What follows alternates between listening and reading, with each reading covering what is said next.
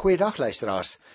Nou ja, die van julle wat gereeld inskakel by ons wonderlike program Die Bybel vir vandag, sal seker weet dat ons die Bybel deurwerk van Genesis tot Openbaring en dit is regtig my gebed dat die Here vir jou en vir my sal seën dat ons hierdie hele avontuur tog met mekaar uh, wat ons begin het sal kan afhandel en dat hy vir ons sommer nog so 3, 4 jaar sal spaar uh, totdat ons aan die einde van Openbaring kom. Mag die Here se genade wyd oor ons lê. Ons het vandag gekom by die laaste hoofstuk in die boek Levitikus. En uh, ek wil dit graag behandel en as ons nog tyd het, sal ek 'n kort oorsig gee van wat ons gedoen het in die boek. Maar kom ons begin dadelik. Hier in Levitikus 27 uh sal jy sien dat uh, die opskrif in die Afrikaanse teks is loskoopwaardes. Nou partykeer begin ek en dan behandel ek vers vir vers, ander kere gee ek eers 'n breë oorsig. So miskien moet ek uh, net 'n paar algemene breë opmerkings maak oor hierdie uh, 27ste hoofstuk. Die eerste opmerking wat ek sou wou maak is dat uh, jy sal onthou ons het gesê 'n mens kan die boek Levitikus indeel in 6 groot afdelings.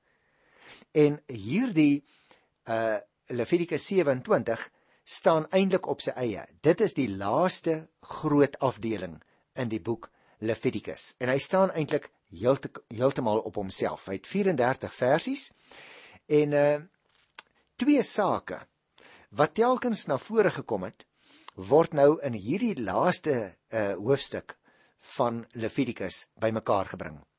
God is die werklike eienaar van alles. En dit is ook telkens van Israel vereis om die heiligdom in stand te hou met hulle offergawes. Dit word gedoen om te erken dat die Here eintlik alles besit en dat hy oor alle lewe en ook oor alle dood beskik. Ook wanneer iemand byvoorbeeld 'n belofte aan God gemaak het of iets uit dankbaarheid aan hom gewy het, is daardeur bely dat alles aan die Here behoort. Hy gee net aan die mens gebruikreg van lewe en ook van alles wat op die aarde is. Deur die instelling van die loskoop maak God dit moontlik om hierdie erkenning te handhaaf. Die blyk van erkenning kan in geldwaarde omgesit word. Nou afhangende van die offer of die item wat aan die Here gegee moes word, is die geldwaarde daarvan bepaal en is daardie bedrag aan die priester van die heiligdom oorbetaal. Veral deur die mense wat later in die stede gewoon het en nie werklik meer vee gehad het nie. En so kon die administrasie van die heiligdom natuurlik ook beter in stand gehou word. Die nodige daaglikse offers kon steeds gebring word, maar die diere wat te veel was, kon in geld omgesit word. Die loskoopwaardes van verskillende sake word nou hier aangedui in Levitikus by die 27ste hoofstuk. Die tema van hierdie hoofstuk handel dan nou ook spesifiek oor hierdie loskoopwaardes van dinge. Mense en diere en eiendom kon onder verskillende omstandighede aan die Here gewy word. Iemand kon byvoorbeeld gelofte afgelê het aan die Here as die Here hom sou help of hy sou homself of iets anders aan die Here uh, kon toewy. Dit gaan ons nou nou sien uh, in vers 2 en ook in vers 9. So byvoorbeeld sal jy onthou uit 'n ander gedeelte in die Bybel daar by uh, 1 Samuel 1 vers 11 ja, dink ek staan dit. So het Hanna vir Samuel byvoorbeeld aan die Here afgestaan. En so het Jakob, sal jy onthou daar uit die verhaal van Genesis, Genesis 28, uh het Jakob 'n tiende van sy inkomste aan die Here beloof. Iemand kon byvoorbeeld ook vrywillig uit dankbaarheid iets aan die Here afstaan. Ons gaan dit net nou kry in vers 14 en in vers 26. In 'n vroeë stadium van die geskiedenis van Israel kon 'n persoon wat lewenslank aan die Here afgestaan is in die heiligdom uh, diens doen. Onthou nou byvoorbeeld die uh, voorbeeld van Samuel in 1 Samuel 1 wat ons daar kry van vers 24 tot vers 28. In 'n later stadium van die geskiedenis is aanvaar dat slegs die nageslag van Aaron en die Lewiete in die heiligdom diens kon doen. Uh daardie weergawe sal jy kry in Numeri 3 by die eerste 10 verse. Maar dan nou ook nou weer, volgens Deuteronomium 33 vers 9 kon iemand 'n leviet word deur hom los te maak van sy familie. Daar moes egter ook die moontlikheid wees om die belofte van so 'n uh, lewenslange toewyding aan die Here anders na te kom as deur tempeldiens. En dit is moontlik gemaak deur die stelsel waar volgens iemand of iets wat aan die Here gewy is, losgekoop word. Met ander woorde, jy is as dit ware losgekoop van jou familie ten einde voltyds in die tempel vir die res van jou lewe te gaan werk. Nou die voorskrifte vir die uh, loskoopwaardes van persone word eers gegee. Ons gaan dit nou-nou doen in die eerste 8 verse en dan uh, die uh, loskoopwaardes vir diere vers 9 tot 13 en daarna vir die wat vaste eiendom soos huise en grond ehm um, wou aanbied. Dit kry ons in vers 14 tot 24. Die eenheid uh, sluit dan af hier in uh, Levitikus 27 met verskillende voorskrifte wat verband hou met hierdie loskoopwaardes. Nou kom ons begin dan by die eerste 8 verse. Die Here het vir Moses gesê: "Sê vir die Israeliete: Wanneer iemand in 'n gelofte 'n persoon aan die Here gewy het en die persoon se loskoopwaarde moet vasgestel word, moet die volgende riglyne geld: 'n Man van 20 tot 60 jaar kan losgekoop word teen 570 gram silwer volgens die standaardgewig van die heiligdom. 'n Vrou van dieselfde ouderdom teen 340 gram. Tussen 5 jaar en 20 jaar is die loskoopwaarde van 'n man 230 gram en van 'n meisie 115. Van 'n maand oud tot 5 jaar is 'n seun se loskoopwaarde 57 gram en 'n dogter se 34. Bo 60 is 'n man se loskoopwaarde 170 gram en 'n vrou se 115. As iemand wat 'n gelofte afgelê het, te arm is om hierdie loskoopwaarde te betaal, moet hy die persoon oor wie dit gaan na die priester toe bring. Die priester moet die persoon dan deurkyk en 'n bedrag bepaal wat bekostig gaan word deur een deur die een wat die gelofte afgelê het. Nou ek dink hier het ons nou iets wat vir ons baie vreemd klink maar destyds was dit deel van die wetgewing wat die Here vir hulle gegee het juis om te beklemtoon dat die godsdienstige en die sekulêre nie met mekaar uh deur mekaar gemaak moet word nie. Nou die ouderdom wat ons nou hier kry van vers 1 tot 8 en wat herhaaldelik genoem word, uh naamlik die ouderdom en die geslag van 'n persoon wat aan die Here gewy is, het sy of haar loskoopwaarde bepaal volgens hierdie klompie verse. Die waardes het natuurlik naaste by ooreengekom met die pryse wat uh, gesonde mense op die slawemark in daardie tyd sou behaal. Daar was die ekonomiese waarde van 'n persoon die bepalende. Omdat mans van byvoorbeeld 20 tot 60 jaar die beste diens kon lewer as slaaf, het hulle ook natuurlik die beste prys op die slawemark behaal en was hulle loskoopwaarde ook die hoogste. Die gemiddelde maandelikse salaris van 'n arbeider was wat ons nou gelees het volgens die standaardgewig van die heiligdom. Hier in vers 3 kry ons dit en ons kry dit ook later in vers 25. Dit was ongeveer 11 gram silwer. En dit gee vir ons 'n bietjie 'n indruk van die hoë loskoopwaardes wat uh, wat gegeld het. Soos in die geval van die offers word hier ook voorsiening gemaak vir die arme mense in vers 8. Armes uh mag nooit uitgesluit word uit die gemeenskap van die gelowiges nie en armoede moes nooit iemand verhinder om 'n gelofte af te lê nie en om aan die Here toe te wy nie. So dit gaan in die eerste gedeelte oor die persoonlike waarde van mense. Maar nou kry ons hier van vers 9 tot by vers 13 iets anders. Dit gaan nou oor diere. Luister. As die gelofte gaan oor 'n rein dier wat aan die Here geoffer word. Geld die reël dat die dier wat eenmaal aan die Here gegee is, sy eiendom word. So 'n dier mag dus nie vervang word met 'n die dier van dieselfde kwaliteit of omgeruil word vir 'n slegter of selfs 'n beter een nie. As iemand so dier tog probeer omruil, word albei diere die Here se eiendom. As die gelofte gaan oor 'n onrein dier wat nie aan die Here geoffer mag word nie, moet die dier na die priester toe gebring word. Hy moet dan die loskoopwaarde van die dier bepaal volgens sy kwaliteit. Die oordeel van die priester is in so 'n geval finaal. As die persoon self die dier wil terugkoop, moet hy 20% meer as die vasgestelde loskoopwaarde bepaal. Nou luisteraars, omdat 'n reindier geoffer kon word, was daar nie die moontlikheid om 'n dier wat deur die gelofte aan die Here afgestaan is, los te koop nie. Omruiling, lees ons nou hier, was ook nie toelaatbaar nie. Die dier het immers aan die Here behoort. Dit staan duidelik in vers 9. As iemand 'n ander dier vir die Here wou gee in die plek van die een wat afgestaan is, het albei eenvoudig die Here se eiendom geword, sê vers 10. Aan die ander kant was dit ook waar 'n onrein dier soos byvoorbeeld 'n donkie kon nie geoffer word nie.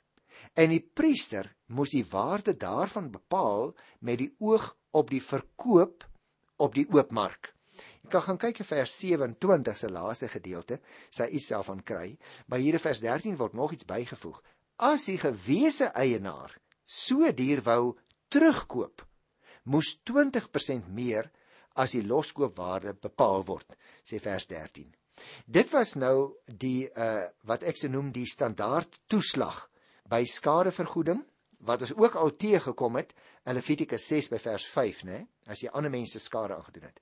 Of ook by die terugkoop van eiendom uh wat ons nou al van tevore ook teëgekom het. Ek dink die punt wat gemaak word, uh luisteraars, is dat as jy 'n dier aan die Here afgestaan het, dan kan jy later van plan verander en nou sê jy, "Wag, gee gee gee my dier terug. Ek sal ek sal vir hom betaal nie." Jy kon alleen daai dier ehm uh, terugkry as jy 20% meer betaal. Maar jy kan nie eintlik die dier gebruik vir iets anders nie, want wat aan die Here afgestaan is, is aan hom afgestaan. Nou let nou op in die geval van 'n huis uh want daar da kan nou mense wees wat sê goed, nou maar ek gaan my huis afstaan as eiendom. Kom ons kyk hier by vers 14 en vers 15.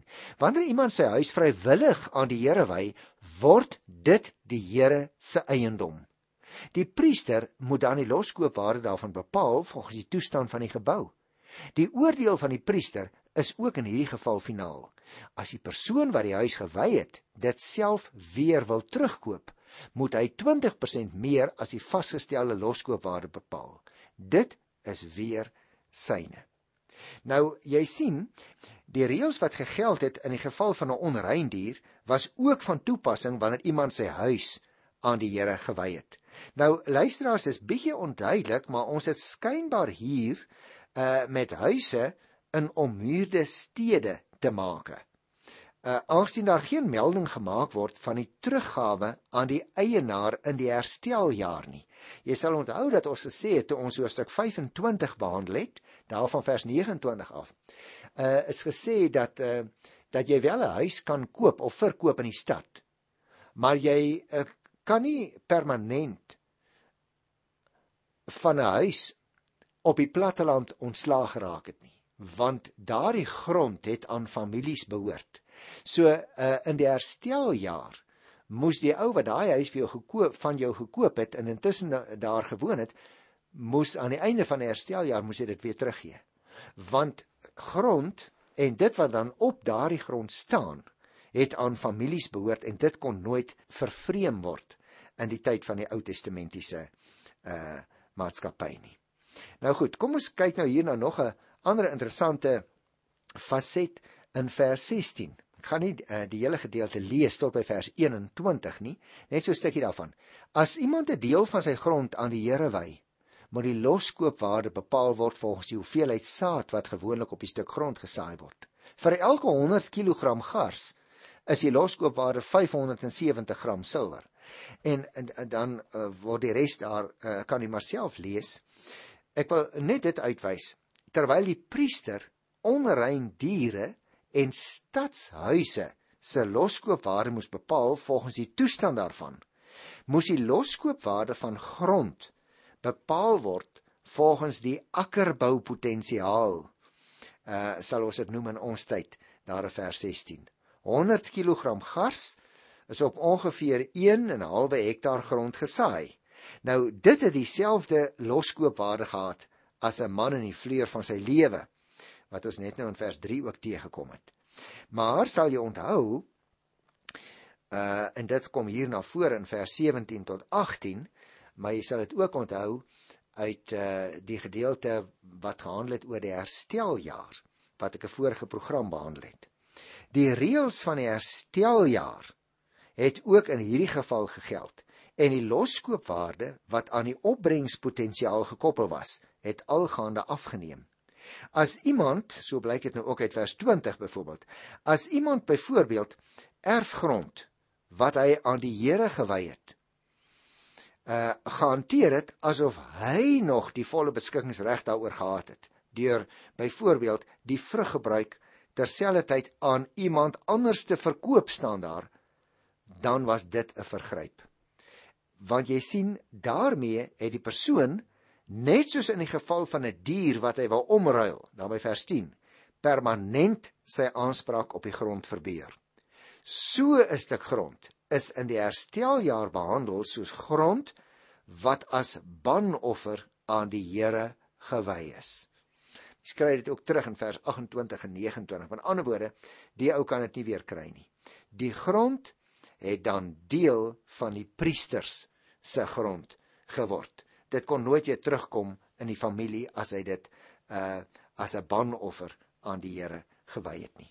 Kom ons kyk hier by vers 22 tot 25 want dit is ook nogal interessant as 'n mens hier hier sien as iemand 'n stuk grond wat hy gekoop het wat dus nie sy erfgrond is nie aan die Here wy moet die priester die totale loskoopwaarde bereken wat die grond tot die volgende hersteljaar het en die skenker moet dan dadelik die loskoopwaarde in kontant betaal. Jy sien, dit gaan hier oor 'n situasie, 'n uh, grond waarvan iemand net die vrug gebruik gehad het, moes wanneer dit aan die Here gewy is, dadelik losgekoop word. Die toeslag van 20% wat ons net nou teëgekom het, was nie in so 'n geval van toepassing nie. Ook baie interessant, kyk jy by vers 28 en 29 waar word 'n ander geval genoem. Onthou ook verder dat iets wat as banoffer aan die Here gewy is, nie verkoop mag word nie en ook nie losgekoop mag word nie. Dit maak nie saak of dit 'n mens of 'n dier of 'n stuk erfgrond is nie, dit is heilig en dit behoort net aan die Here. 'n Mens wat as banoffer aan die Here gewy word, mag nie losgekoop word nie. Hy moet doodgemaak word. Nou hier gaan dit oor 'n ander geval. Onrein diere en eiendom wat deur 'n gelofte of vrywillig aan die Here gewy is, kon losgekoop word en was daarna weer vir die alledaagse gebruik uh, beskikbaar.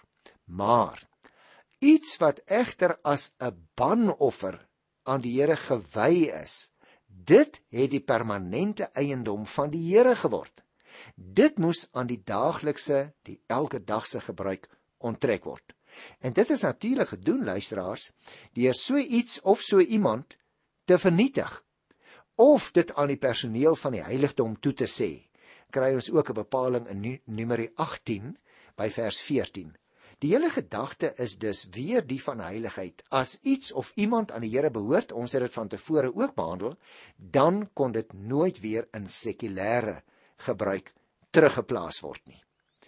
Nou, jy kan self gaan lees ook hierdie hele gedagte wat 'n mens oor die ander dinge kry, maar uh, ek wil graag met vers 34 uh net afsluit voordat ek 'n paar uh, enkele losstaande opmerkings maak. Vers 34 sê: "Die voorafgaande is die gebooie van die Here deur Moses by Sinaï berg vir Israel gegee het." Die ehm um, tweede slot van Levitikus is in 'n sekere sin korter as die ouer slot Want jy sien sommige mense beskou die laaste versie van hoofstuk 26 ook as 'n slotvers. Ek gaan dit net vir jou lees. Dit is die laaste vers van Levitikus 26. Die voorafgaande is die voorskrifte, bepalinge en wette wat deur Moses op Sinaï berg gegee is oor die verhouding tussen die Here en die Israeliete.